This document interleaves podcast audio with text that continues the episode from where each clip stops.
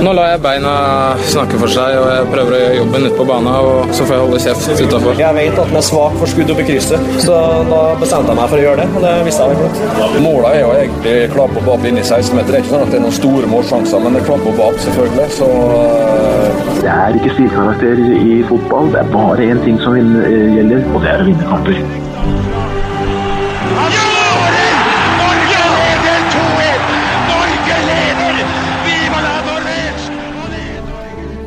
Der er vi tilbake igjen. Toppfotball tilbake med en ny uh, ordinær episode. I forrige uke så slapp vi et slags sammensurium av en, et utdrag fra en livepodkast, som jo ikke gir det lydbildet vi er veldig stolte av. Det gir, representerer oss ikke på riktig måte. Det er deilig å sitte inn i det Hva skal vi kalle det? Altså Studioet er jo omtrent utformet som et bordell, men men vi trives aller best her inne. Jørgen Kjernås, velkommen. Jo, takk for det. det på det sistnevnte så hører Skal ikke spørre deg om du har noe inngående førstehåndskunnskap om hvordan er innreda i et bordell. Men, Hva, hvordan jeg tror et bordell ja, ser ut. Hvordan det ser ut. En typisk norsk, kanskje en amerikansk 80-tallsfilm eller et eller annet sånn Pretty Woman eller noe der. Vi er der, kanskje. Takk for den redningen, så Bare hyggelig. slapp unna spekulasjonene. Eh, deilig å se deg. Det begynner å bli en stund siden sist. Ja, tida går fryktelig fort. og det har vel vært litt sånn at vi har vært litt syke, alle mann. Og det har vært litt live-podkaster og ja. Det, sånn er det. Sånn er det godt å være her igjen. Men vi tåler det nå i preseason, fordi sesongen har jo ikke sparka i gang ennå? Den har jo ikke det, men det kommer fryktelig fort, da. Så vi må si, være klar vi òg til seriestarten. da. Ja, For nå er det under en måned? Ja, Det er to og en halv uke igjen når vi sitter her i dag, vel. Så det, det er 16-17 dager. Ja. Det er uh, fantastisk. Og med, med, oss i dag uh, har vi jo uh, det er jo ingen hemmelighet hvem vi har med, for det står i tittelfeltet. Men, men, det er en ære å få besøk av en av de som styrer uh, våre beste menn, som vi river oss i håret av og, og, går inn i hver eneste landskap med knalltro på, på hva vi skal oppnå. Per Johansen, velkommen. Tusen takk for det. Landslagets uh, assistenttrener, uh, som ifølge Lars Lagerbäck Han ville jo helst at dere skulle være likestilte, som en type modell han har vært kjent med fra Sverige, fra Island. Men da sa han at det ville ikke Per Joar Hansen. Nei, jeg har jo tenkt gjennom det der, men jeg tror jo personlig at uh, du skal ha en som er sjef på en prestasjonsgruppe. Jeg tror det er viktig at uh, spillerne vet hvem som til syvende og sist alltid tar det siste ordet. Men uh, det vil, de fleste prøver å ha delt lederskap på hjemmebane òg, men der er det ofte kona som bestemmer der òg. Så jeg tror det er det viktigste, at de vet å forholde seg til én sjef. og Avgjørelsene tar vi jo sammen likevel, men det, og jeg prøver jo å spille inn mine argumenter, og som Lars får litt ekstra ekstra argumenter å tenke over før han da endelig tar beslutninga sjøl. Og den står vi jo alltid sammen om, og det tror jeg spillerne uh, uansett merker. Så derfor så er det egentlig bare Ja, det spiller egentlig ingen stor rolle, men uh, som sagt, én sjef, det, det, er i hvert fall uh, min melodi. Føler du at spillerne forholder seg annerledes til deg når du er assistent? Kan, kommer du kanskje tettere på dem? Altså, er du mindre skremmende når du er assistent eller når man er hovedtrener for landslaget? Nei, jeg tror jo sånn, I en sånn prestasjonsgruppe i et fotballag så tror jeg det er viktig at du har ulike personligheter i et trenerteam som, som, gjør at du kan ha litt ulike knapper å trykke på, kanskje. og For noen så vil uh, hovedtreneren være den de klikker best med i forhold til uh, spørsmål og samtalepartner. For andre vil være assistenten eller medtrenere. Så, så jeg tror det viktig, viktigste er at du har uh, ulike personligheter i et trenerteam. Det tror jeg er det viktigste, slik at det blir dynamikk i, i gruppa. Og så uh, I 2016, du var jo borte en periode etter å ha vært en markant trenerskikkelse både i Norge og i Sverige. Så hadde du noen år pause, og så kom du tilbake og tok, fikk overskrifter da du hadde vært ute og reist i fotball-Europa. Og, og, da var du og besøkte en del storklubber. Vi skal snakke litt mer om det senere, men du var og besøkte ett forbund, og det var Island. Mm. Var det ditt første møte med Lars Lagerbäck? Nei, da når jeg var besøkt Island, så var ikke han der i, i det hele tatt. Det første møte med Lars tror jeg var han, uh, i 2002, da jeg trente GIF Sundsvall første gangen. For at han kom jo sjøl fra det området oppe i Ånge, ti mil fra Sundsvall, og da var vel mora hans blitt gammel og dårlig og var på sykehuset. Så i noen, noen pauser der vi hadde noen prøver og sånn, så tok vi en kaffekopp og så hadde jeg med meg taktikktavla og så prata vi litt fotball i en eh, sånn pause. Det var vel eh, første gangen eh, jeg prata med Lars, og etter det så hadde vi ikke hatt noe kontakt før jeg tilfeldigvis tror jeg traff han på et eh, nordisk trenerseminar i Göteborg tre-fire dager før han fikk, eh, fikk, jobben. og Da var det jo egentlig bare at vi kjapt hilsa på hverandre i frokostsalen for han skulle videre. da, så vi, vi, kjente jo ikke hverandre noe spesielt uh, før vi, vi jobba sammen nå. Det, det, gjorde vi ikke. Nei. Um, hvordan, hvordan, jobber dere sammen? Nei, Vi, vi syns vi jobber veldig godt, godt sammen. Jeg syns vi har funnet en bra, bra form, uh, form, på det. Vi, ja, vi, vi, gjør jo det meste. Altså, hvis du ser en foran en samling, så så en, eh, har vi jo egentlig funnet en ganske grei mal på det. det. Vi følger jo kampene og der våre aktuelle spillere spiller, selvfølgelig. Det gjør vi jo begge to. og Kikker kamper, følger opp eh, prestasjonene deres og diskuterer jevnlig mellom eh, før, før, vi tar ut eh, de, den troppen som vi tror skal vinne neste kamp. Og så jobber vi jo tett sammen på, på samling da med hvordan vi skal få ut det beste fra hvert enkelt eh, spillemøte og hver enkelt eh, trening. og så spiller vi jo kampen, og så er det å evaluere den etterpå. og så er det eh, å bli bestemt for hvordan vi skal jobbe inn mot eh, neste samling. og Det blir jo på en måte en sånn sirkel som eh, vi, vi, jobber etter, en mal som vi jobber etter, og den syns jeg har fungert veldig bra. -hmm. Hvordan er den prosessen sånn som nå, så er det to kamper som er to privatkamper på om ikke altfor lang tid. Hvor mange spillere er det på en måte som er på blokka før vi skal møte Australia og Albania her nå? En av de tingene vi lærte fra i fjor, det var jo at vi har egentlig brukt altfor mange spillere. I fjor brukte vi vel 41 spillere med, med, smått og stort, og det er klart at det er altfor mange hvis du skal bygge en, en, en stamme. Og En av suksesskriteriene til Lars på sine lag eh, er jo at han har kjapt plukka ut en 16-17 spillere som han har holdt veldig fast ved. Og så har han hatt en fem-seks utfordrere som har hatt muligheten hver gang. Så nå har vi jo vært kanskje nede på det vi har fulgt nå i år, en, eh, kanskje en 30 spillere. 30-32 spillere som vi har fulgt uh, veldig tett. Mm. Du har jo uh, ledet uh, U21-landslaget bl.a. til det første sluttspillet for et norsk herrelandslag siden 2000. Um, hvordan er det å jobbe med U21 kontra A-landslaget? Nei, Prinsippene er jo stort sett uh, det samme. Det som ofte folk kanskje ikke er klar over, det er jo egentlig hvor lite tid man har på et landslag. Altså en, uh, vi har jo egentlig bare spillerne til låns. Vi, uh, vi, bruker å si at de er 90% i klubb og 10% i et landslag. Så det, vi kan jo ikke gjøre dem bedre til å drible eller skyte eller slå innlegg. Så når du har et landslag, så handler det mer om å få organisert laget best mulig, få utnytta spisskompetanse, ha et bra eget spill, ha et bra motspill. Være godt organisert på dødball og skape tro og entusiasme i, i gruppa. Det er jo først og fremst det det, det handler om, for du har så lite tid. Det var litt uh, bittert. og klart Nå var det vel drømmejobben omtrent som dukka opp da du ga deg på U21, men det litt bittert å måtte gi fra seg det laget som du hadde ført til et mesterskap også? Ja, jeg var veldig i tvil, for at det, det var en, en, en, fantastisk gjeng eh, gutter som, eh, som eh, Ja, det, det, det, er noe som jeg alltid vil ta med meg, på et vis. For vi, vi begynte jo egentlig ikke spesielt bra. Jeg tror vi, vi tapte vel de fleste kampene første, første året der jeg, jeg, var med. Jeg tror vi knapt nok vant en kamp og fikk mye kjeft og mye kritikk. og og så plutselig så slår vi Island i den første, første kampen i kvaliken, og deretter så raser vi gjennom og uh, spiller jevnt i to kamper med England og har uflaks, men blir nummer to og får en, uh, en playoff mot kanskje da Europas beste lag på den tida, Frankrike, og slår dem ut i, i to kamper. Det var, det var, fryktelig tungt å si nei takk til, til, det, og samtidig forlate et fantastisk bra støtteapparat. og med først og fremst selvfølgelig eh, Toro, da, Tor Skullerud i, som, som medtrener. Nå tok jo han dem videre til bronse, så det, det, gikk jo bra, det. Mm. Og flere av disse gutta har, har det jo nå på A-landslaget, så det er jo en, en, eh, en, kjemi der som ligger igjen fra noen år tilbake. Ja da, jeg, vi kjenner jo, jeg kjenner jo veldig godt til den 90-, 91-92-generasjonen. og Som dere sier, jeg har jo hatt de fleste inn, inn på U21, så både der og i, i, i Rosenborg, den yngre garde der. Så jeg kjenner jo veldig godt til, til spillere. Mm. Mm. Det er vel sånn, mener jeg, at det er vel bare tre stykker fra det laget som kom til EM, som ikke har A-landskamper for Norge også, fra den generasjonen. Eh, så det jo, det sier ganske mye om den gjengen òg, at 20 av dem har eh, A-landskamper for Norge.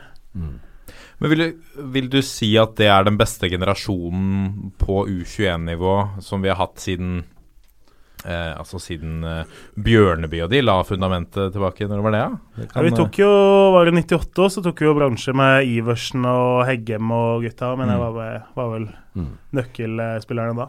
Må vi så langt tilbake for å finne forrige store generasjon på U21? Ja, det er et godt spørsmål. Det er alltid vanskelig å, å sammenligne sånne generasjoner, for det er jo liksom, de er jo barn av sin tid. Så De som var gode i 98, konkurrerte med dem som var gode i 98. og dem som jeg hadde i 2013, konkurrerte med dem som var gode i 2013. Altså det, det er vanskelig å alltid sammenligne, men det er klart det var en veldig god generasjon vi hadde. Men jeg syns òg vi, har en, eh, vi har en veldig god U21-generasjon nå. og Vi ser jo mange spillere fra laget til Leif Gunnar Smerud som òg har gjort veldig bra ifra seg og er med til, til oss og er stadig aktuelle. Så vi har mange gode unge, unge spillere i Norge nå.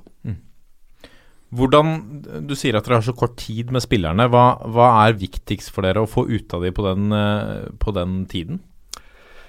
Nei, det, det handler jo veldig mye om læring og læringssystematikk, helt enkelt. Altså, du må planlegge hvert enkelt eh, spillemøte til detalj for at du må liksom Hva skal vi ha ut av det her møtet, liksom? For at eh, vi har kanskje tre-fire dager, og så kommer første kampen, og så er det to dager mellom med restitusjon og se litt på neste motstander, og så er det ny kamp. Så det, alle møtene blir viktig. Hvor mye teori, hvilke type teori. Eh, hvordan skal vi jobbe med lagbygginga på denne samlinga? Hvordan skal vi jobbe med enkeltspilleren? Så det, det handler veldig mye om å, om å, å, å få ut mest mulig læring fra, fra hver enkelt møte og, og hver trening. Det er litt sånn at taktisk sett så må man kanskje gjøre det litt mindre avansert på et landslag, nettopp fordi du har så kort tid med spillerne. Ja, altså så tror jeg at en av suksesskriteriene til Lars med sine lag og Han har jo ofte hatt veldig sånn, Kall det gjerne underdogs, da, eller små nasjoner. Så tror jo, tror jo vi, og er jo helt enig med han, at uh, du må ha et enkelt uh, og trygt konsept som, uh, som skaper en trygghet. og da handler jo veldig mye om gjentagelsesprinsippet. Du gjentar jo ofte fra gang til gang til gang, fra møte til møte til møte, og til slutt så, så tror vi at da, da sitter jo mer og mer, så vi prøver å forandre minst mulig fra, fra gang til gang. at uh, og det tror jeg at uh, spillerne òg uh, merker, at det har vært veldig forutsigbarhet i alt det vi har gjort i hele 2017. og Derfor så håper jo vi da at i 2018 at vi skal møtes på et enda høyere nivå. da.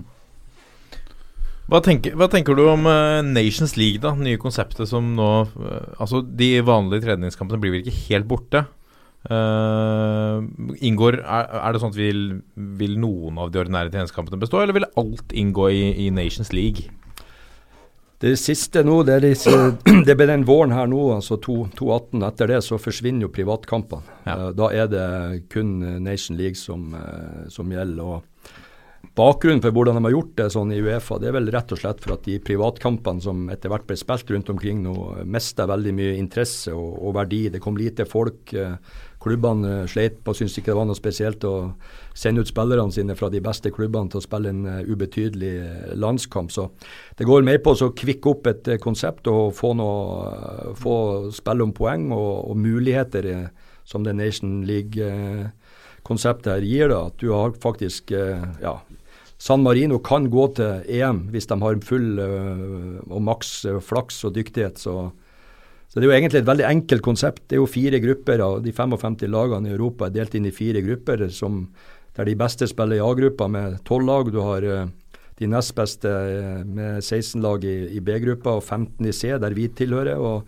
de dårligste i, i D-gruppa. Da. Da er det jo så enkelt at uh, i den gruppa vi spiller da, i C-gruppa, så er det fire grupper der vi spiller mot Kypros, Bulgaria og Slovenia. og så Vinner vi den gruppa, så går vi til en semifinale og en finale mot de andre gruppevinnerne i, i C-pulja i eh, våren 2020. Eh, og Vinner du den gruppa der, så går du faktisk da direkte til EM. Og alle de fire lagene som da vinner gruppa si, går rykker da opp i B-pulja. Så det vil bli nærmest som ja, gamle ishockey med A-, B- og C-pulja. Ja.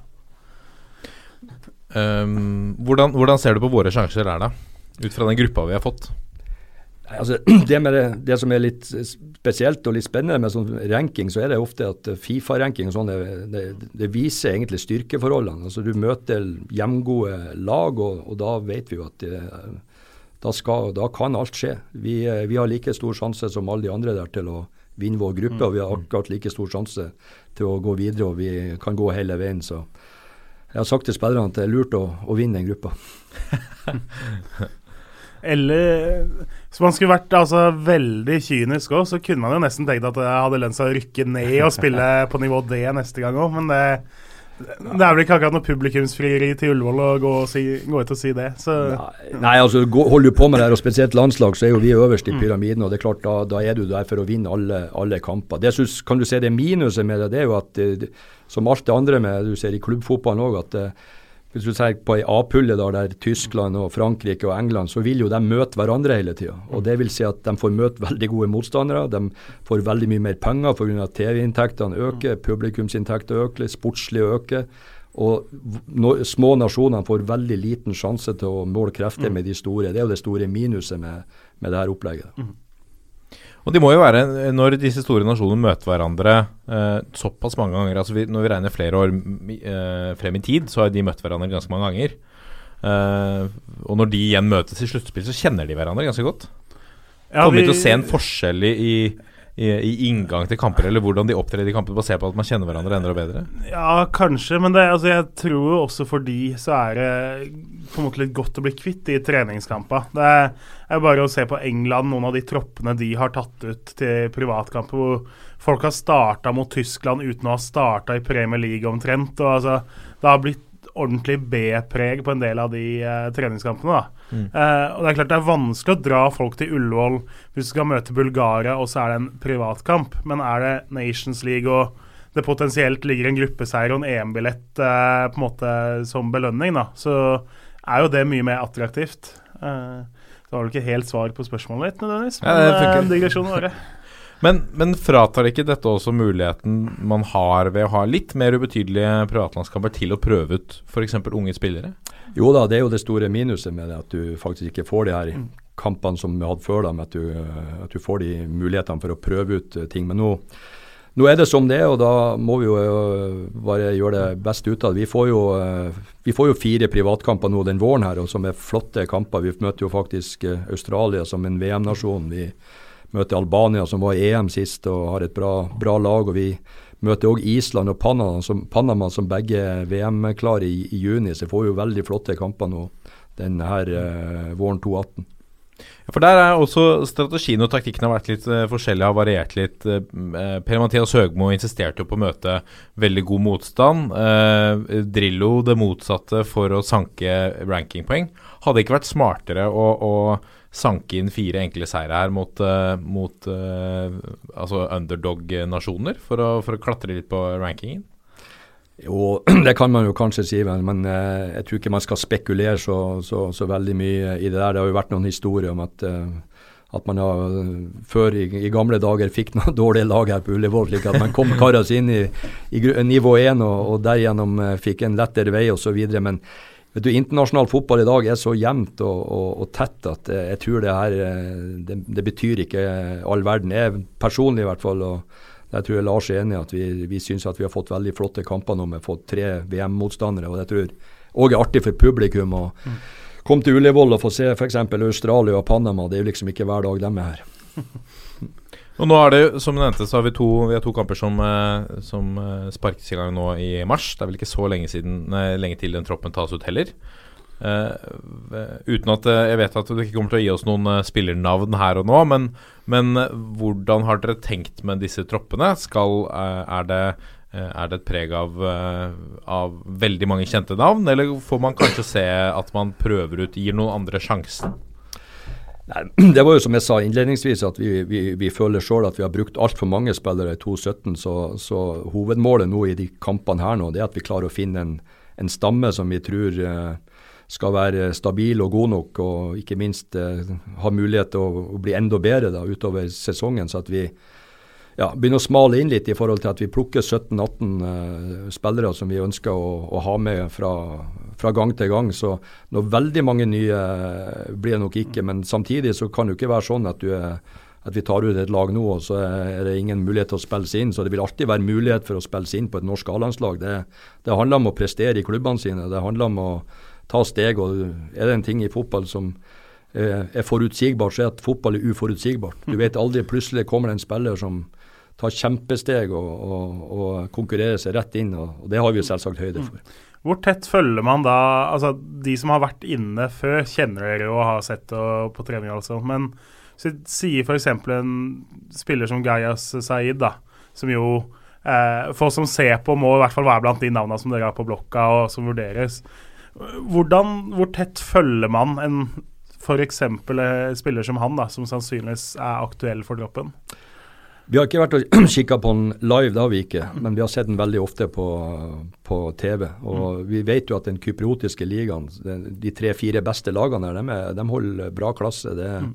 De er jo jevnlig i, i, gruppespill i Europa, og, og Gyas har jo vært i Champions League og, og gjort bra ifra seg. Eh, så det er klart at vi er, vi er glad for at uh, den, den, jobben han, han, gjør for tida. og Det gir oss jo òg selvsagt uh, mer å tenke på. Eh, og så er det også å finne i et lag en balanse med vi må, I hvert fall som en underdog, da, så må du ha ulik eh, kompetanse i, i, laget. Så at eh, som kantspiller så kan man på en måte heller ikke bare plukke ut fire kan du kalle, ta et begrepet driblere, mm. eller 1,70 og driblere. Det går ikke. Så vi må ha en balanse og en miks i, i, i, i, gruppa. Og, men han er en av dem selvfølgelig som mm. har vært med og, og i vurdering, og er med i vurderinga. Mm. En annen mann som har markert seg, og kanskje er en av de som du snakker om som, uh, som tvinger, tvinger, seg på, eller banker på døra. Kristoffer Ayer har, uh, har, jo etter hvert uh, Jeg vet ikke om man kan kalle han fast på Celtic ennå, men det er ikke så langt unna. Hva, hvor mye har dere sett av han? Ja, Han har vi sett en god del, eller skal si veldig mye i det siste. Og Vi er jo veldig imponert. For det første så fikk han jo den jeg tror det var bra for han i fjor å bli lånt ut til Kilmarnock og fikk skotsk tøff eh, brønkerfotball eh, rett i ansiktet og måtte forholde seg til det. Eh, og så er det jo en imponerende av en ung gutt. og kan si hva du vil om den skotske ligaen. om den Sannsynligvis er den ikke så veldig mye bedre enn den norske, men de har ett lag som er en skikkelig storklubb. De spiller foran 50 000 der hver eneste helg, og de er alltid ved én kamp fra krise. Eh, for at de er nødt til å vinne, og må vinne. Og det, i det miljøet der uh, å spille seg inn som han har gjort da fra begynnelsen av desember og fram til nå, det er superbra. og uh, Han fikk jo en skikkelig referansekamp her mot Zenit og klarte seg veldig bra. og Det er imponert over hva han har gjort. Mm. Og så er det jo uh, det er jo andre Det er jo mange kandidater og mange som har vært inn og ut. Den som det selvfølgelig alltid snakkes om, er Martin Ødegaard. Uh, hvor noen jo hevder at Martin Ødegaard har en spillestil som ikke passer inn hos Lars Lagerbäck. Hva tenker du om, om sånne type utspill? Er, er, det sånn at dere har satt et system, og da trenger man en, uh, visse typer, og man kan ikke fravike fra det? Nei da, det er bare Vi tar ut de beste spillerne til enhver tid, og, og uh, det, gjør vi, det, gjør vi, alltid. Og det er alltid en sånn myte der rundt Martin. Det er jo litt artig, men når vi tar ut troppen, sånn, når, vi, når, vi, tar ut de 23, så kommer jo alltid det spørsmålet fra media hvorfor ikke han, og hvorfor ikke han med? Det er jo alltid det motspørsmålet, og da er det jo ofte spillere som har vært med før, mm. som har fått sjansen før. Når det gjelder Martin, så må vi òg huske på at han er fortsatt uh, eh, 18 år og, og uh, er i god utvikling der han, uh, han er. og Han har vi jo sett mye. og han er jo veldig sentral i, i, i Heerenveen sitt spill. Har veldig mye ball, slår veldig mye flotte gjennombruddspasninger. Det er en, for meg en liten gåte at han ikke har flere assist faktisk mm. enn en han har i den, denne sesongen. Det er kombinasjonen med litt uflaks og kanskje litt dårlige medspillere. Ja. og det, det er, Han skulle hatt ma mange flere enn det han har, i hvert fall. Jeg ser jo de som, Det er jo litt sånn modeller for det med expected goals, og det er jo også på expected uh, assist. Så, så ligger han jo ganske høyt der på at han har, produserer jo sjanser for andre. Uh, så man kan jo ikke se seg blind på at det er én assist over der, er, fordi han har skapt så mye gode sjanser at det burde ha vært langt flere. Mm. Men disse to kampene, som, for å runde av den, uh, den uh, saken der med Australia og, og, Albania Hva kan vi vente oss av motstand av disse to? Der uh, Australia er VM-klare? Ja, det, det med at eh, Australia gikk til VM, og de har jo en lang vei å gå der. altså De Mm. skal jo gjennom x antall kvaliker hvis de ikke blir blant de to beste i, i gruppa si. Så eh, de slo jo da Honduras i playoff i to kamper. Det er et hardtarbeidende lag med spillere fra engelsk liga, eh, sveitsisk liga, en god del spillere i Kina, Korea, eller en god blanding. og Tim Cale på topp og Roger fra Celtic og keeper fra Brighton. Så de er en bra blanding. Yrkesmenn. Så bytta de vel trener nå og fikk Bert van Mai Vaivik, eller Vaivik, eller hva heter det? Jeg Dårlig på nederlandsk. Dårlig på nederlandsk. Best etter klokka tolv. Ja. Men uh, han er jo helt ny, så jeg tipper at det Så der vet du egentlig ikke hva han gjør inn imot de tre månedene han har på seg. Uh, når det gjelder Albania, så er det òg et, et godt lag, faktisk. Spillere i Italia og Sveits, Karabakh, hjemlig serie. Og en trener òg som er rimelig ny, med Panucci, som var assistent for Capello i Russland og har vel 500 kamper for Real Madrid og Inter og Milan og vunnet Champions League og hva han har gjort alt. Så Ja. det blir spennende. Du har jo en, en lang rekke klubber på, på som, både som trener og som spiller. Eh, som trener Strindheim, Byåsen, Varden, Sundsvall i to omganger. Rosenborg i to omganger, Ranheim og Ålesund. Eh, men så har du vært mye ute og reist og kikket på hva andre driver med. Hva slags eh, fotball er det eh, Hvis du skal eh, sette den fotballen som, som dere ønsker at landslaget skal spille, hvilken klubb eh, har dere noen, et forbilde der på, på hvor dere tenker at sånn, sånn vil vi spille? Nei, det har vi for så vidt eh, ikke. Vi har jo altså Mår, Lars sin måte å, å, å, å spille på er jo veldig tufta på eh, ja, jeg vil si norske grunner og, og svenske grunner. Nordisk fotball. altså det, det er et soneforsvar i, i, i bånn med, med gode avstander mellom ledd, høy aggressivitet. Eh, vi ønsker å spille en gjennombruddssissig eh, fotball. Eh, vi ønsker å spille framover. Vi er ikke opptatt av så veldig opptatt av possession. Vi er opptatt av å komme oss inn i 16-meteren eh, oftest, eh, ofte, ofte som mulig vi, eh, vi kan. Vi er opptatt av å være godt organisert på dødball. Eh, Lars ønsker jo å spille med to spisser, og det bakgrunnen for det er jo at han eh, føler da mellom Spesielt en, når du har et underdog-lag med spillere som i utgangspunktet eh, er svakere enn en sterkere motstandere, så mener han at to spisser kan, kan få til noe på egen hånd. eh, mye mer enn bare én. Så det er en del sånne eh, faktorer som, eh, som spillet er tufta på. Dette er toppfotball. Og så må vi jo snakke selvfølgelig om uh, enda mer om vi, vi, vi må hjem til uh, Norge. Men uh, først så må vi en tur ut i Europa via Per Joar Hansen. Fordi at vi snakket så vidt om denne turneen du var ute på. hvor du kom tilbake og i 2016 og meddelte at norsk fotball er akterutseilt på de fleste områder. Hva mente du da, og hvordan har dette utvikla seg siden det? Nei, For å starte med, med reisa først, da, så følte jeg jo at, eh, at etter 15 år som, eh, som trener, så opplevde jeg at jeg må ta ny inspirasjon og, og komme ut og, og tenke på noe annet enn å, enn å lede treninga og gjerne få påfyll. og Det, det var jo bakgrunnen for, for den reisa her. og når jeg først kom ut, så, så opplevde jo jeg at, eh, at de gjorde jo en del masse ting som, som jeg mente vi kan gjøre bedre her, når du tenker på hvor ståstedet vårt var. Det ble jo litt liv av det. Men jeg, jeg, jeg er jo ingen politiker, jeg er en footballer, så jeg, sa, jeg sier alltid meninga mi. og Poenget er at uh, jeg fortalte jo egentlig bare hva jeg har sett. Det var det som er. og at uh, at uh, Hvorfor skal Spania, Portugal og Tyskland og alle de landene være bedre enn oss på f.eks. noe som ikke koster penger, systematikk og skoleringsplaner? Det var jo en del av det hele. At de har et planverk som jeg opplevde vi savna totalt i norsk fotball, der du på en måte er litt eh, flaks uflaks med hvilken trener du får når du, når du starter opp, mens der var det jo rett og slett eh, eksperter på tiåringer, tolvåringer og 14-åringer på bakgrunn av at de har utdannelse til å hva skal en tolvåring trene på, på av fysikk, teknikk, taktikk ut ifra alle segment osv. De hadde ja, at det, du hadde en skoleringsplan der, du, der, der fag, fotballfaget ble bygd. Du måtte lære det der som tiåring for at du skulle komme opp på tolvåring. og tolvåring så skulle lære det for at du går videre som 14-åring. og Det er jo egentlig det samme de gjør i den norske skolen. Så hvorfor kunne de ikke gjøre det samme som dem i, i, i, fotball. Det var det ene. Og det andre var jo at eh, jeg opplevde at de hadde, var veldig opptatt av læring. da, At, de hadde, at det skulle skje læring hver eneste dag. og Hver trening betydde noen ting. Eh, I Norge da, så opplever vi jo at eh, kanskje i aldersbestemt fotball så tar vi fri fra juni til august. Mm. Ikke spille en, en eneste kamp, mens de spilte kamper hver helg der kampen var det viktigste, og der de avsjekka om de har lært noe i løpet av uka.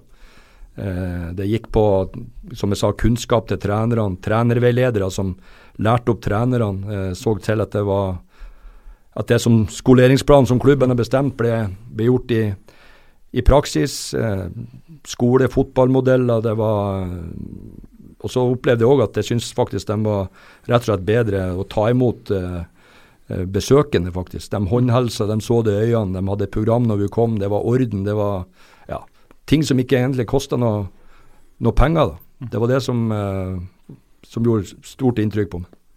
Mm. Men trener vi for lite, f.eks.?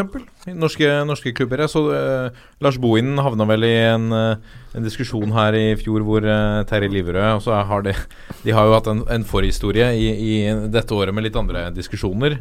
Men hvor de, han bl.a. pekte på at det er ikke noen grunn til at norske klubber skal trene mindre. Norske profesjonelle klubber skal trene mindre enn tyske Ja, vi, vi, har jo gjort en undersøkelse, blant annet, vet jo Toppfotballsenteret med Geore hadde en undersøkelse en del år tilbake. og Da viser jo at norske unge spillere trener jo mer enn utlendingene. ikke sant?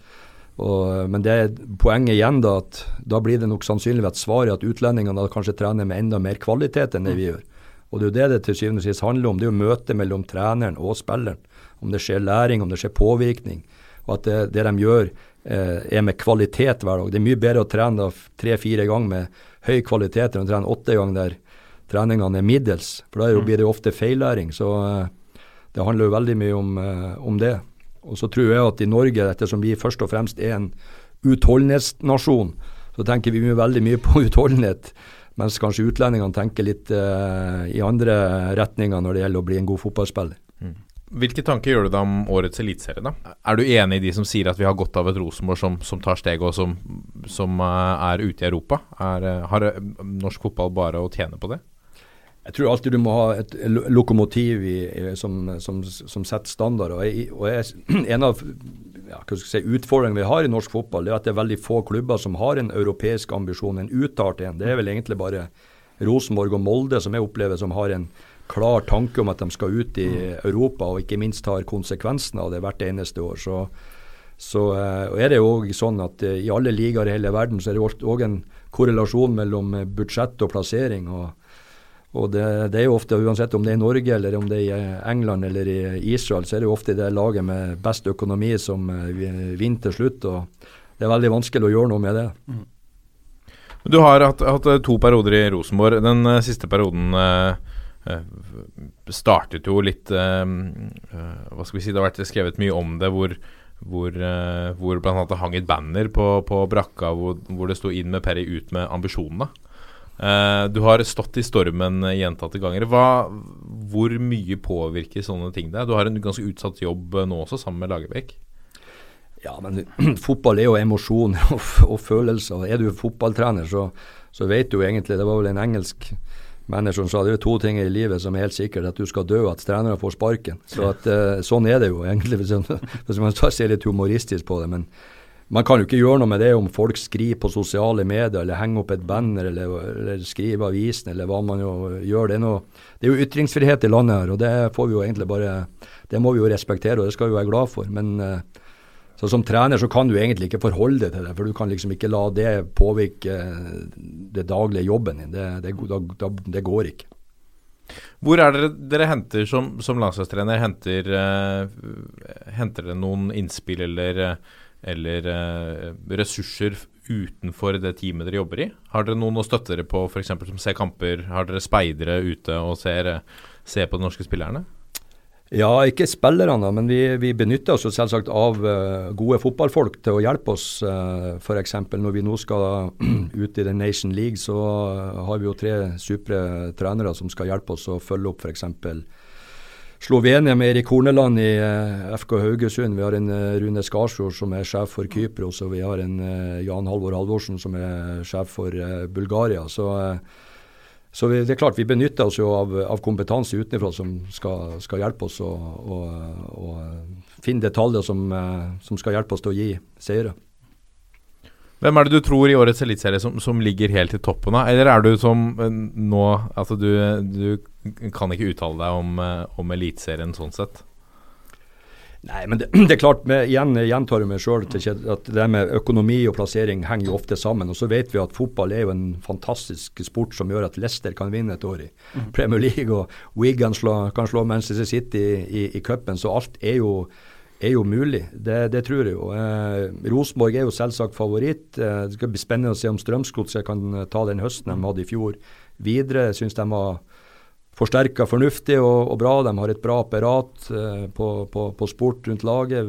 Brann vil jo selvsagt alltid være der oppe som toppklubb. og Sarpsborg blir spennende om de kan ta et nytt steg, eller om de har mista for mye spillere osv. Det, det, vil alltid, det er jo derfor norsk fotball er så uforutsigbart på noe vis. For alt kan egentlig skje bak de to-tre som til syvende og sist skal kjempe om det. Og så, vi, så, må vi selvfølgelig snakke om, om Ranheim. Uh, et, uh, et, eventyr. Uh, det visste kanskje ikke du, men vi har en mann som ikke er her i dag, som, som jo veddet en Birken-tur på at Ranheim ikke kom til å rykke opp.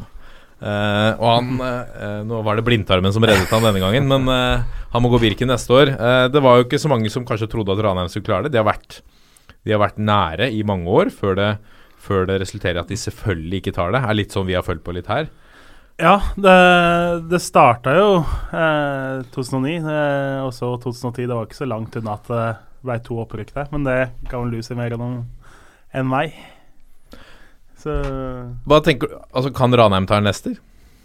En Leicester tror jeg blir vanskelig, men uh, som klubb og som konsept så tror jeg at det er mange i Norge som har mye å lære av, av uh, Ranheim. De har gjort en uh, fantastisk, om du skal bruke klisjeen, reise da, gjennom mm. de siste ja, sju-åtte årene. De startet jo som en samarbeidsprosjekt med Rosenborg, der de, Rosenborg i Trøndelag gikk ut med, med en anmodning om de klubbene som ville skulle få støtte fra dem for å prøve å rykke opp i Adeccoligaen, da heter det da, for å ha plass for de trønderske talentene som ikke spilte i Rosenborg. Den, eh, den, den, sjansen tok Ranheim med begge hendene. og siden de rykka opp i Obos-ligaen i 2010, så har de jo aldri vært i nærheten av å være på nedrykk. De har jo alltid fighta om eh, opprykk, og de har vært i playoff mange, mange ganger. Så det er jo ikke tilfeldig det de gjør her. og Klubben er jo tufta på godt lederskap eh, gjennom mange år. Nøkternhet, en klar identitet, en klar spillfilosofi. så at de til syvende og sist nå går opp, er jo imponerende. Men det, det er et hardt og, og grundig arbeid som, eh, som uh, ligger bak. Og Så skal man òg huske på i tillegg at Ranheim var jo Trøndelags beste fotballklubb før Rosenborg slo igjennom i 1964 og tok cupmesterskapet. Da har jo allerede Ranheim vært i, i den daværende hovedserien en par ganger. Så de har jo gamle og stolte tradisjoner. Ser du for deg at altså, eh, Ranheim-Rosenborg eh, At det blir sånne ordentlige lokale derbyer hvor, hvor, det er to fronter som møtes, eller er man litt sånn eh, Er du Ranheim-supporter, så er du også Rosenborg-supporter. Er det noe rivaleri mellom de to?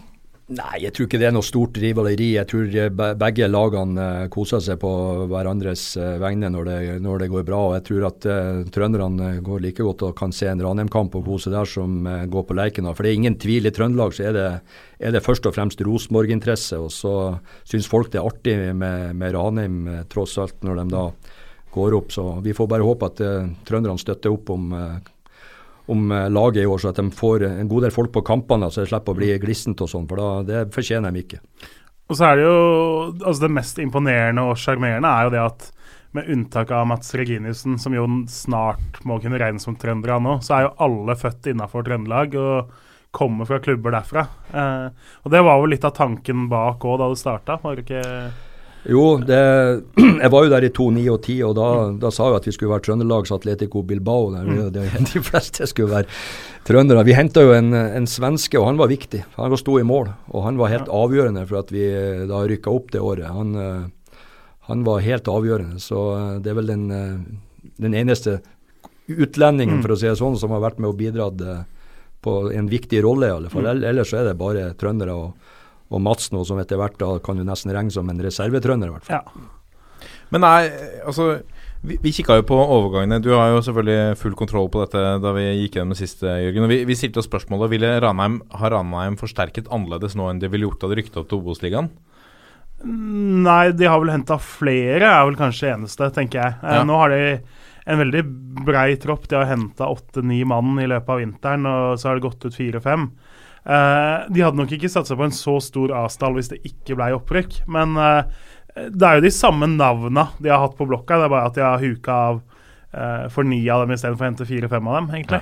Eh, og så er det litt sånn at Øyvind Alseth, som har spilt noen kamper i MLS for Toronto uh, Han er jo trønder, fikk ikke en ny kontrakt der. Uh, glimrende mulighet for begge, da. Det er jo en perfekt match for Ranheim da å kunne hente tilbake han. Eh, så de har ikke gjort noe annerledes annet enn at troppen er litt større. Men er det bare altså, vi, snakker om en, en, eh, en fotballklubb som minner litt om hva Sarpsborg var da de rykka opp, hvor, hvor spillerne fortsatt har, har jobber ved siden av eh, fotballkarrieren. Vi snakker om at det er sjarmerende og at det er noe vi kan lære av. Men er det, er det utelukkende positivt at, det, at et lag som eh, ikke er helprofesjonelt, er gode nok til, til å rykke opp i Eliteserien?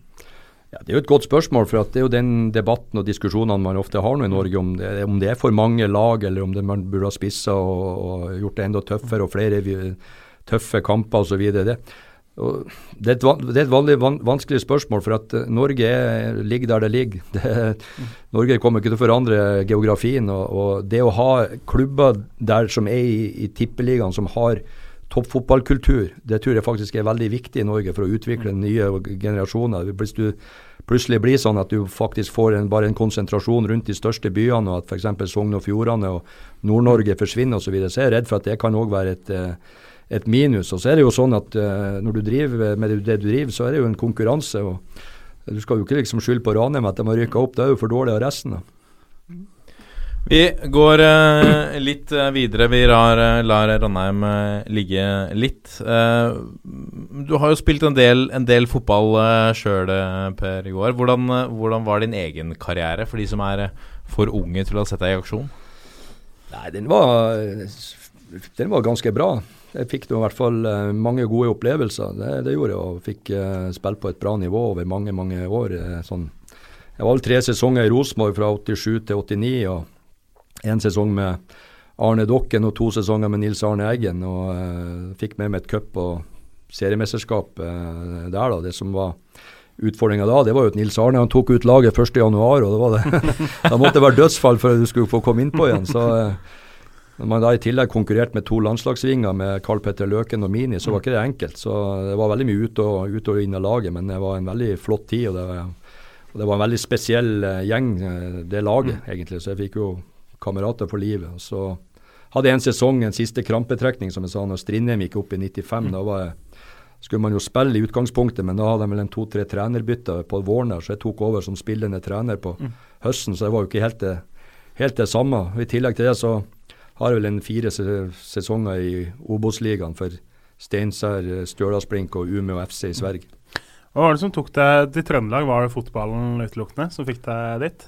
Ja, det var det. For at eh, jeg spilte jo i Mosjøen i nordnorsk andredivisjon. og Da møtte vi jo sånn Tromsø og Mjølner og sånn. de lagene. Så jeg, jeg ble jo henta av Steinkjer, da, som, som uh, fighta om opprykk til Tippeligaen et par sesonger der på begynnelsen av 80-tallet. Så det var liksom bakgrunnen. og Militærtjeneste og, og, og spille for, for Steinkjer i Obos-ligaen. For det er jo så mye holdt på å si, trønderske klubber at uh, gutta ute på kontoret her sa ja, han er trønder, han, sa de jo. Uh, det er vel mange som nesten tenker det, på en måte, egentlig. Ja, jeg har jo bodd mesteparten av livet mitt i, i Trøndelag. Det er jo Steinkjer og Stjørdal med bare noen avstikkere til Sverige. Så, så det er klart, jeg har jo levd mesteparten av livet mitt i, i Trøndelag. Det er Trofors som er egentlig Det er Trofors som kan du si, der jeg i hvert fall eh, vokser opp på. Ja. Der er det jo, kan du spørre Martin, der er det jo, hvis du ser på kjente personer fra Trofors på Wikipedia, der står det bare lista opp to mann, eh, dessverre. Og hvem er den andre? Nei, det er, det er ikke han som sitter her, for det heter Marcus og Martinus uh, står lista. Så det, for fem år siden var det vel topp én kanskje der. Nå er han ned på tredjeplass. Ja, det er bare, bare, artig. Jeg kjenner begge to. Jeg kjenner faren òg, som gjør en veldig god jobb med dem to. Så det er jo utrolig artig at de, de er jo, de er jo populære nesten over hele verden snart. Så det, det, er, det er, gøy. Så Rune Jarstein hadde vært på konsert her nå og hadde fått noe sånn uh, kommet backstage og tatt bilde med dem eh, på Instagram for et par dager siden. Så det ja, det er bra. Det er bra. Herlig. Hvor, uh, hva er din morsomste Altså, morsomste blir kanskje feil å si, men, men uh, en fotballopplevelse du husker aller best fra, fra, enten som trener eller som spiller?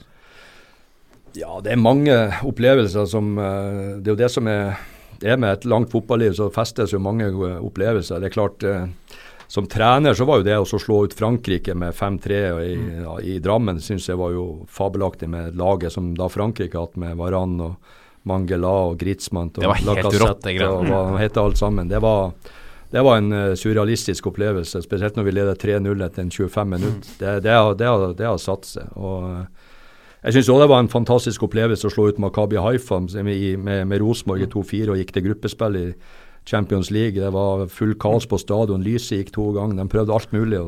var det da Daniel Bråten skåra fra død vinkel? Ja. ja. Det var òg en uh, utrolig opplevelse uh, som jeg har tatt med meg. Og så uh, var jeg jo trent med Manchester United i 1984 en hel måned. Det, det var òg utrolig, noe som har festa seg. For der fikk man jo komme på innsida fra vi som vokste opp med tippekampen, eh, før det liksom det her nye, glamorøse Premier League eh, eh, oppsto. Så jeg fikk jo med meg noen kamper der for publaget til Ron Atkinson og kameratskap med Mark Hughes. og Tur til Liverpool med Bill Fawkes, som satt og fortalte meg om uh, flyulykka med Manchester United som han opplevde sjøl og overlevde. Og, så det var òg en uh, veldig sterk uh, opplevelse å få lov å være med på det. Mm. Men da ikke, ikke, Som spiller, altså, i Manchester United? At, jeg var trent med, men jeg var vel ja. 19 da. Så jeg var vel, Bill Fawkes hadde trent Steinkjer året før, og, så han hjalp meg over der til å få, få trene med reservelaget. og jeg hadde vel du hadde to treninger med A-laget òg. Pluss en kamp for publaget til Ron Atkinson, som var manager. Så det var, det var, en fin tid. Bare som treningsopphold og inspirasjon, eller kan, ja. som vi kan ikke kalle det prøvespill? Eller? Nei, det var nok ikke da den tida der, vet du, så var det utrolig vanskelig å få arbeidstillatelse i England. Det var vel, jeg tror faktisk eh, ja, Ola Byrise fikk vel en Han var vel nesten klar for Southampton, mm. tror jeg, som keeper, og fikk ikke arbeidstillatelse. Så det var et utrolig strengt. Mm. Ja. Uh, hvem er de norske favorittspillene gjennom tidene, da? Det er jo mange gode, men klart at for meg som nordlending, da, så, så, og som jeg fikk også se han i aksjon, så for meg er Harald Berg den beste spilleren jeg har sett i, på en norsk uh, bane. Han, altså, han, hadde en pasningsfot som uh, egentlig Det er synd at få av de norske spillerne i dag uh, har ikke fått oppleve det. Han slo, han slo bak bekka, over bekkene og gjennom bekka, skulle du si, på hurtige vinger. og En Arne Hansen, det gjorde inntrykk. og Samtidig så hadde han en personlighet som gjorde at uh, sammen med Bodø-Glimt i den tida på midten av 70-tallet ga veldig, for, i hvert fall for meg, sterke inntrykk. Bodø, eller du så det som her i Oslo f.eks., mm. så fikk du ikke snakke nordlending. Og dem som leide ut hybler, så sa han vi leier ut hybler, men ikke til nordlendinger. Ja. Så det gjorde jo noe med på en måte nordnorske stoltheten og identiteten å ha han på som den uh, han var. da. Mm. Det var da omtrent om han fikk faktisk lov til å være med i allnorsk eh, fotball ja, ja. Eh, med nordnorske lag. Så. Ja, ja, vi var jo en utkant, og vi, altså plutselig så kom han hjem og, og, fikk med seg en hel landsdel. Det gjorde noe med den nordnorske mm. identiteten og stoltheten, og det var han en av de viktigste bidragsyterne til. Så det gjorde, det gjorde inntrykk på en 10-12-åring fra Trofors. Mm. Det har jeg alltid lurt på med Harald Berg. Fordi, fordi jeg har et eh, kanskje en nærmest forhold med Ørjan eh, Berg. Jeg har sett han i herje med Champions League i Europa. Uh, Runar Berg også litt, men så han forsvant for tidlig for meg til, til Venezia. Og Arild, da, ikke minst. Ja, Arild i, i, Glimt. Som jo aldri fikk den karrieren pga. at helsa stoppa det. Ikke sant. Men, men, men, Harald Berg har vi jo, i hvert fall de som er like gamle som meg, aldri sett han. Hvordan er han sammenlignet med Eh, altså spillertypen, når du sammenligner med Ørjan og Runar og Arild? Jeg hadde jo gleden av å ha Ørjan som spiller, og, og jeg har sett og spilt mye mot Runar og sett mye på Arild. De var jo litt sånn ulike typer. Altså, mm. Runar var jo eleganten på noe vis. Altså, han, han, lå jo i mellomrommet. og Nå hører han kanskje på, han haika jo litt og lå og, og venta på neste angrep. Og, men han var en briljant fotballspiller. God pasningsfot, gjennomspiller. Arild hadde jo det meste. Han var hardtarbeidende, en god pasningsfot, godt skudd. Uh, Ørjan på sitt beste, mener jeg, de siste årene han var i Rosenborg i Champions League, så var han eh, fantastisk god. Altså, han dom, kunne jo dominere kamper mot de beste, beste lagene i Europa. Voldsom arbeidskapasitet, smart, tøff, uh, god pasningsfot, klok. Uh, en skikkelig god fotballspiller. Mm. Mens ja, hva skal jeg si, Harald han har, vel, han har vel gitt litt av det, litt av det forskjellige fra sin meny til de tre. da. Så har vi Vi har bedt deg om å sette opp eh, Vi skal ha noen lyttespørsmål også, men vi har bedt deg om å sette opp eh, din fire norske fotballstjerners middag, som er et TV-konsept vi kanskje håper å selge inn. Eh, ja, det er helt unikt, så det, jeg kan ikke skjønne at ingen har funnet på noe lignende. Med noe kjendiser. Må kjøpe det. Eh, hvor, hvor du selvfølgelig er en av stjernene og skal invitere tre andre fotballstjerner, så kan være alt fra trenere, spillere, journalister, what have you. Hva har du hva skal du lage, og hvem skal du invitere? Nei, Det var et veldig tricky spørsmål. Det der, det var vanskelig. Jeg, jeg, har, jo, jeg har, jo, vært så privilegert i min uh, tid i, i, norsk fotball at jeg har jo fått lov å både spise middag og drukke øl med de fleste trenerne. Og, og jeg har jo hatt veldig mange spillere og journalister og sånn. De får jo leve sitt eget liv, og ekspertene, så den tror jeg de kan vi invitere en annen gang. på et annet tidspunkt. Men det var et bra spørsmål der, så jeg tenkte meg litt om. og da var det tre som til syvende og sist landa på det. Det ene var eh, Arthur Arntzen. Mm. Eh, og Bakgrunnen for det er jo at eh, han eh, syns jeg har vært en av de store i forhold til å En stor humorist, men samtidig stort eh, alvor, og som, var, som, på en måte fikk fram nordnorsk fortellerkunst og, og, humor på en sånn måte som er helt eksepsjonelt. Eh, I tillegg så var han jo en god fotballspiller. Han hadde jo kanskje få som vet at han har kanskje 400-500 kamper for Tuil, altså Tromsdal. Mm. Eh, Oluf, altså? Oluf, ja. Eh, så han han har sagt mange kloke ting. Eh, annet en gang at eh, han fikk jo mye kritikk en gang for å banne så mye på TV, og da sa han bare at eh, han har han, eh, Og det å be i ulike religioner, det har skapt mye krig på jorda, men jeg har aldri hørt at bannskap har skapt det. og det syns jeg var godt sagt av han. Så han ville ha invitert. Og så syns jo Jo Nesbø er en spennende kar. da. Eh, han er jo òg fotballspiller tidligere i Molde, før karrieren ble ødelagt av skader, som jeg har forskjønt. da. Men eh, å være en bestselgende forfatter, eh, musiker, aksjemegler, hva han egentlig har jobba med, det, det, kunne vært interessant. å hadde han til bords en, eh, en kveld. da. Eh, og Den siste som jeg tok med, det var Jon Michelet. Og Bakgrunnen for det det var at jeg syns jo fotball og i en kontekst er veldig spennende. Altså fotball, Hvorfor spiller et lag, hvorfor spiller et land en spesiell form for fotball?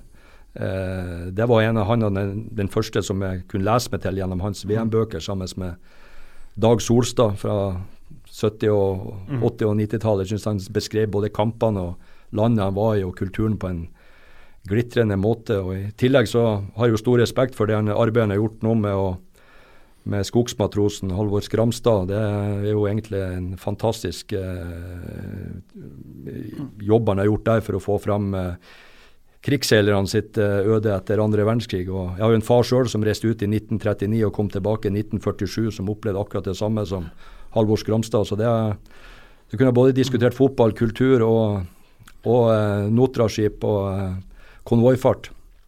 Ja, det hadde vel neppe bare blitt fotball uh, rundt det bordet her. Se for meg, for det er ganske mange mange elementer ved alle de tre her, da. Det, jeg synes det var Ja, for det jeg legger merke til det, vi, har, vi, har en, vi, har, jo stilt et spørsmål til veldig mange, eller de fleste som har vært her, og det er det første liksom uh, trioen som er Han, har, uh, han er smart, Per Joar Hansen. Mm. Han har helgardert seg her, for at han kan både, som du sier, snakke om fotball.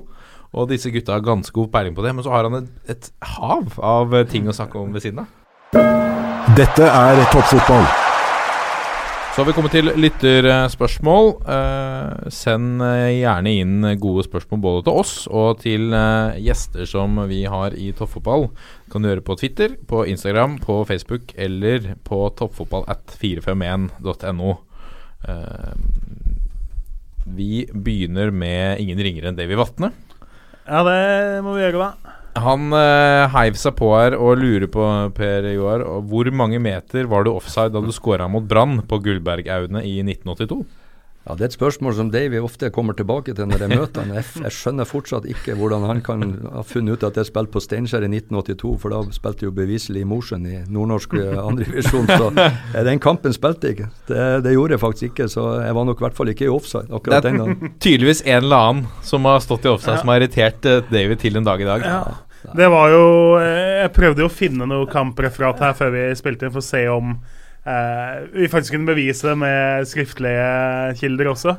Uh, men fant ut kampen endte 3-2 i hvert fall til Steinkjer på høsten. da. Uh, de to lagene endte likt. Brann rykka på Steinkjer måtte spille kvalik. Så det var en ganske viktig kamp, i hvert fall. Så jeg skjønner at bergenserne i hvert fall Har det kommet et avgjørende offside-mål der, så kan det ha brent seg inn en bergensers fotballhjerte. Det skjønner man. Men jeg husker jo de, den perioden jeg kom til Steinkjer i 1984. Da var det noe år eller før der så har jo Brann møtt Vareg i siste kamp. Da var jo mm. Steinkjer klar for opprykk, og da vant eh, måtte vel eh, Brann vinne med seks eller sju mål og vant 9-1 mot Vareg og skåret tre mål de siste to mm. minuttene eller noe sånt. Den, den satt langt inne til dem eh, oppe i Nord-Trøndelag. Ja, det er jo, Vareg er jo òg bergenslag, må vi jo legge til, så den er jo oh, Det er, lukter litt vondt, da? Det er jo litt sånn som da Sverige og Danmark trengte 2-2 for å gå videre. Det er kanskje, kanskje David var linjemann i den kampen. Tilbake til deg, Davy. Uh, vi tar et spørsmål fra Wild Andy 3, uh, eh, som lurer på hvorfor ble det slutt mellom deg og Rosenborg? Jeg liker måten han, han snakker om det som et kjærlighetsforhold. Nei, altså det er vanskelig å svare på 100% for det har jeg aldri fått 100% svar på. Det, som trener så uh, har du noe tillit eller ikke tillit, og det å gå inn i alle de prosessene, hvorfor det og, og det det har jo ikke gjort. Poenget var jo at uh, når vi kom dit første, eller 2.13, da, så så eh, har jo laget blitt nummer tre to år på, på rad. og det 2013 så ble vi vel nummer to, ett poeng bak eh, Godset. og gikk til cupfinalen for første gang på ti år og gjorde det dårlig i Europa med mange gode spillere, mange unge, unge spillere. Og eh, vi mista vel Tariq der til på sommeren, så vi var nødt til å selge. Økonomien da var dårlig, faktisk. Vi måtte vel, uten at det gjorde oss veldig mye, vi måtte jo ned i lønn bl.a. òg, mm. det året der. Så det var, det var mye ting som så vi måtte jobbe hardt for å få både økonomien på, på rett kjøl og få, få, gjort ting. og, og Jeg ble jo òg ansatt på, på, å være en tydelig leder, ettersom de opplevde at uh, det har vært litt uh, mangelvare. og Alle vil jo ha en tydelig leder helt til de får en. Og, uh, og det er vel kanskje at det kanskje var en, for tydelig en om, på en del områder, men det jeg har ikke liksom spekulert så veldig mye i ene eller det andre. Det er sånn, du, har du, Enten har du tillit, eller så har du ikke tillit. og I en sånn spillergruppe vil det alltid være uh, diskusjoner, og det kan være det er mulig at hierarkiet var feil der. og det, mm. Sånn det ansvar må jeg ta uansett. så til syvende og sist er det mitt ansvar, og, og ferdig med det. Og, og, eh, Så får man bare gå videre. Mm. Men er du en eh, Jeg får inntrykk av at Lars Lagerbäck er en, en, en, lugn Veldig mange omtaler han som en lugn type. Er du mer en type som tar litt plass? Nei, ta plass, det, det, må jo andre vurdere. Men jeg sier alltid meninga mi, i hvert fall. Jeg er veldig, jeg er veldig direkte, direkte, Jeg hater politikk. Jeg hater ting som, som ikke er fair og 100% og ærlig og tydelig. Det, det, liker jeg ikke, og det liker jeg dårlig. Og, og som sagt så er jeg heller ingen politiker, så noen ganger så har det kanskje vært bra å ikke sagt alt det man tenker, men uh, jeg tror òg det er vanskelig å endre. Du kan du kan forbedre, men jeg tror det er vanskelig å forandre seg. Jeg vil alltid være en, en tydelig trener, en tydelig leder, en, en, som eh, er tydelig i forhold til hvordan jeg tenker og opplever ting. Jeg tror, ikke, jeg tror jeg blir i hvert fall en jeg blir som sier som, eh, jeg tror at du blir en dårlig eh, jeg tror blir, Hvis du ikke er det sjøl, så blir du en, en dårligere person og en dårligere leder og en dårligere trener. Spørsmål fra Jon eh, M. Kleven på Twitter. Hvordan tenker du rundt debatten om treningsmengde og metodikk i RBK i din tid kontra Kåre og Nils Arne? Fikk Wiggen for mye tillit? Nei, Da måtte vi jo hatt et lang, lengre program om treningsprosessen. og, mhm. og, og fikk mye, Vi fikk jo mye kritikk for at vi trente for lite og trente for dårlig. og sånn, og det, det, det, har jeg aldri sagt noen ting om. Jeg har aldri svart på alt det som har kommet av kritikk. og Det har jeg gjort helt... Uh, bevisst. Jeg, har, jeg, føler ingen grunn til å drive og kaste skitt på hverandre når man er ferdig med ting. Men eh, jeg har jo sett at det har kommet noe eh, på akkurat det at vi var for dårlig trent. og for to år siden så gikk vel eh, Jeg hadde en fysisk trener som heter Geir Håvard Gjelde, som til slutt måtte gå ut og, og, gi med fakta og vise at vi var definitivt ikke for dårlig trent. Tvert imot. Så da falt jo det på, på steingrunn. Og så er det veldig mange måter å trene et fotballag på. Eh, det finnes i alle retninger, om du spiller mye fire mot fire, for lite fire mot fire, eller eh, spiller mye på stor bane, liten bane, eller spring mye eller spring lite. Det finnes tusen ting å, å gjøre det på. Mine reiser i Europa viser òg at det er veldig mange forskjellige måter å trene et uh, topplag ute i Europa på. Så det finnes ingen, ingen, ingen, fasit. Du må på en måte velge din vei, i, og, og, så må du stå for det 100 mm. Hvordan opplever man det som trener når den som kommer inn og erstatter deg da eh, Kåre Ingebrigtsen ble jo henta inn litt som nødløsning eh, den sommeren. Eh, og så får han ekstrem suksess etter hvert da med Rosenborg. Hvordan føles det? på en måte? Er det bittert, eller er det fint, eller er det Nei, det er ikke bittert. altså Sånn er det jo. Vi vi er jo, Trenerne er jo på uansett, så, så klubbene lever Vi er jo bare på gjennomreise uansett hvem det er av oss som trener klubben. altså det er jo, Jeg ønsker jo Kåre og Rosenborg alt godt i, i, forhold til, i forhold til hvordan de, de gjør det. Så, så, Det er jo ikke sånn som jeg går rundt og tenker på. for det, nå, er det jo, nå er det jo han og hans team som, som er der, og, håper de gjør det best mulig. så de har gjort uh, gode signeringer, de har fått en, uh, en, en bra tropp og, og gjort det viktig for norsk fotball at de, at de, fortsatt kan være med å konkurrere om en plass i Europaligaen. Mm. Spesielt og gjerne òg Champions League, selv om det er selvsagt et veldig trangt nåløy. Mm. Nå er du jo i Oslo, men, men, du er jo ikke Du har jo tatt mange jobber rundt omkring i, både her og i Sverige. Hvor, hvor bor du nå? I, du bor ikke her? Nei, jeg bor ikke her. Jeg har jo hatt en base da i, i Stjørdal. Når jeg drev som fotballtrener, så har det jo vært sånn at jeg har jo ønska at hvert fall ungene skal få vokse opp i en plass og, og, eh, og, få røtter en plass. Og da har jo liksom Stjørdal blitt den plassen med basen. Og når jeg har trent Sundsvall, så har jeg pendla dit. Til Ålesund så har jeg pendla dit. U21 eller A-landslaget, så har jeg pendla til Oslo. Så det har vært en, en glimrende plass å bo gjennom at jeg at det, det finnes alt av tilbud. Det finnes ikke minst en flyplass som gjør at du kommer deg hit og dit eh, fortest mulig. Og så slipper ungene å, å, være med med og få se trynet mitt i avisen annenhver dag. Det, det har de egentlig bare sett når jeg var i Rosenborg. Så de har fått en, eh, en, bra plass å vokse opp på. Det er det viktigste for meg. Apropos det, om vi kan touche litt innpå det. Hvordan eh, når man får eh, Og så er det atskillig flere som har fått mye mer hardere medfart enn deg. men men hvordan merker familien det, når, når man snakker om at eh, sånn som de ser det, pappa, pappa må miste jobben eller pappa må gå? Jeg har jo spurt dem om det, og jeg, jeg har jo alltid prøvd å være dønn ærlig med mine, mine unger og si at jeg har eh, to roller. Jeg er fotballtrener, og så er jeg far. Mm. Så dere må skille på de rollene. Men det er klart at de syns jo det er jo aldri det er artig, og spesielt hvis de er i tenåringene og de er på skolen og folk eh, diskuterer. Far din er mm idiot, eller nå får han sparken og alt. Det er sikkert ikke artig, men jeg, jeg tenker jo sånn at uh, det som ikke tar livet av det, gjør det jo sterkere. Og de ser jo den uh, sida av uh, hvordan det er å være topptrener eller å være lede tøffe være i en tøff uh, bransje som fotballtrenerbransjen er. Så jeg tror ikke de tenker så veldig mye over det. at De, uh, de har opplevd at de, de var jo med i Sverige en periode. og synes jo det at de har lært mye av det og måtte ha skifta skole. og Så har de vært hjemme og opplevd at det er far hjemme og fotballtrener uh, ute. Så jeg tror det har gått helt fint. Jeg tror de overlever godt. og Når kona er operasjonssykepleier og redder liv hver dag, så betyr det så det å være fotballtrener, det, det tar ikke hun så jækla alvorlig heller når hun kommer fra jobb. Men hvordan, hvordan, eh, kontakt har du med Hvor ofte snakker du med Lagerbäck utenom landslagssamlingene? Hvor, hvor, mye jobber dere sammen utenom det, hvor, hvor ofte møtes dere, f.eks.?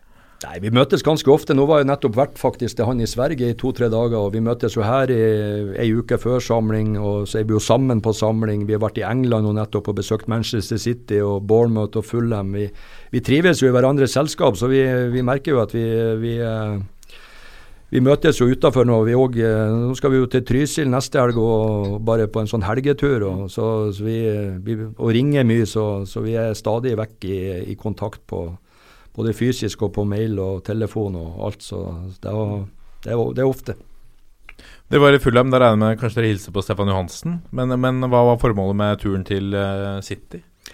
Nei, Det er jo så liksom å få referanser på hva, så vi ikke helt, uh, går oss fast i vår egen jobb. Jeg tror det er viktig for fotballtrenere stadig vekk å dra ut og se hva de beste gjør. og det er klart uh, Eh, vi fikk se, vi fikk et par ord med Guardiola, fikk sitte i trening og ikke minst uh, oppleve at Manchester City har 400 ansatte. Så ser du hva vi konkurrerer mot. Vi får se en kamp uh, der de nesten er, altså, der de er som best. Får se et angrepsspill som er fantastisk. Vi får se en trener som bygger sitt tredje store lag. Eh, vi drar til Bournemouth og får se deres inngang til hvordan de skal berge i Premier League når de skal konkurrere mot 400 ansatte. og Du ser en klubb som gjør det bra og gjør det på sin måte. så ser Fullem på sin måte hvordan jobber dem. så Du får jo stadig vekk innspill og, og, og referanser som jeg tror det er viktig å få som trener. Mm. Per Joar Hansen, tusen takk for at du kom. Uh, vi, uh, vi, ønsker deg jo all lykke til. Uh, kanskje vi til og med får se den i sjefsstolen en gang. Det, har, det, ligger jo nesten litt i korta si. Hvis dette, hvis dette, går bra, hva tror du om det, Kjernos? Ja, nei, Nå lå det jo et tilbud om å være delt, delt sjef, da, som vi starta med å snakke om. Men ja. jeg tenker jo, det er jo en forskjell på å være assistent og på å være hovedtrener. og det, ja, det er jo to roller, så en eller annen gang så føler man seg som hovedtrener i blodet, så må man vel kanskje tilbake dit en eller annen gang. Rart å snakke om han sånn når han sitter, ja, ja, sitter i stolen. Det var det. per Johansen, masse lykke til. Vi heier på dere og håper at vi gleder oss enda mer enn vi skal rive oss i håret i år. Eh, først og fremst nå Australia, som er 23. mars, er det ikke det? Jo, stemmer. Og så er det Albania 26. på bortebane. Riktig. Lykke til. Tusen takk. Heia Norge, og tusen takk for eh, at du kom. Bare hyggelig. Så må vi avslutte som vi pleier å gjøre. Skal se om han uh, henger med, da. Ja. På én, to, tre. Vi er en gjeng! Jeg hang ikke med i det. ha det bra.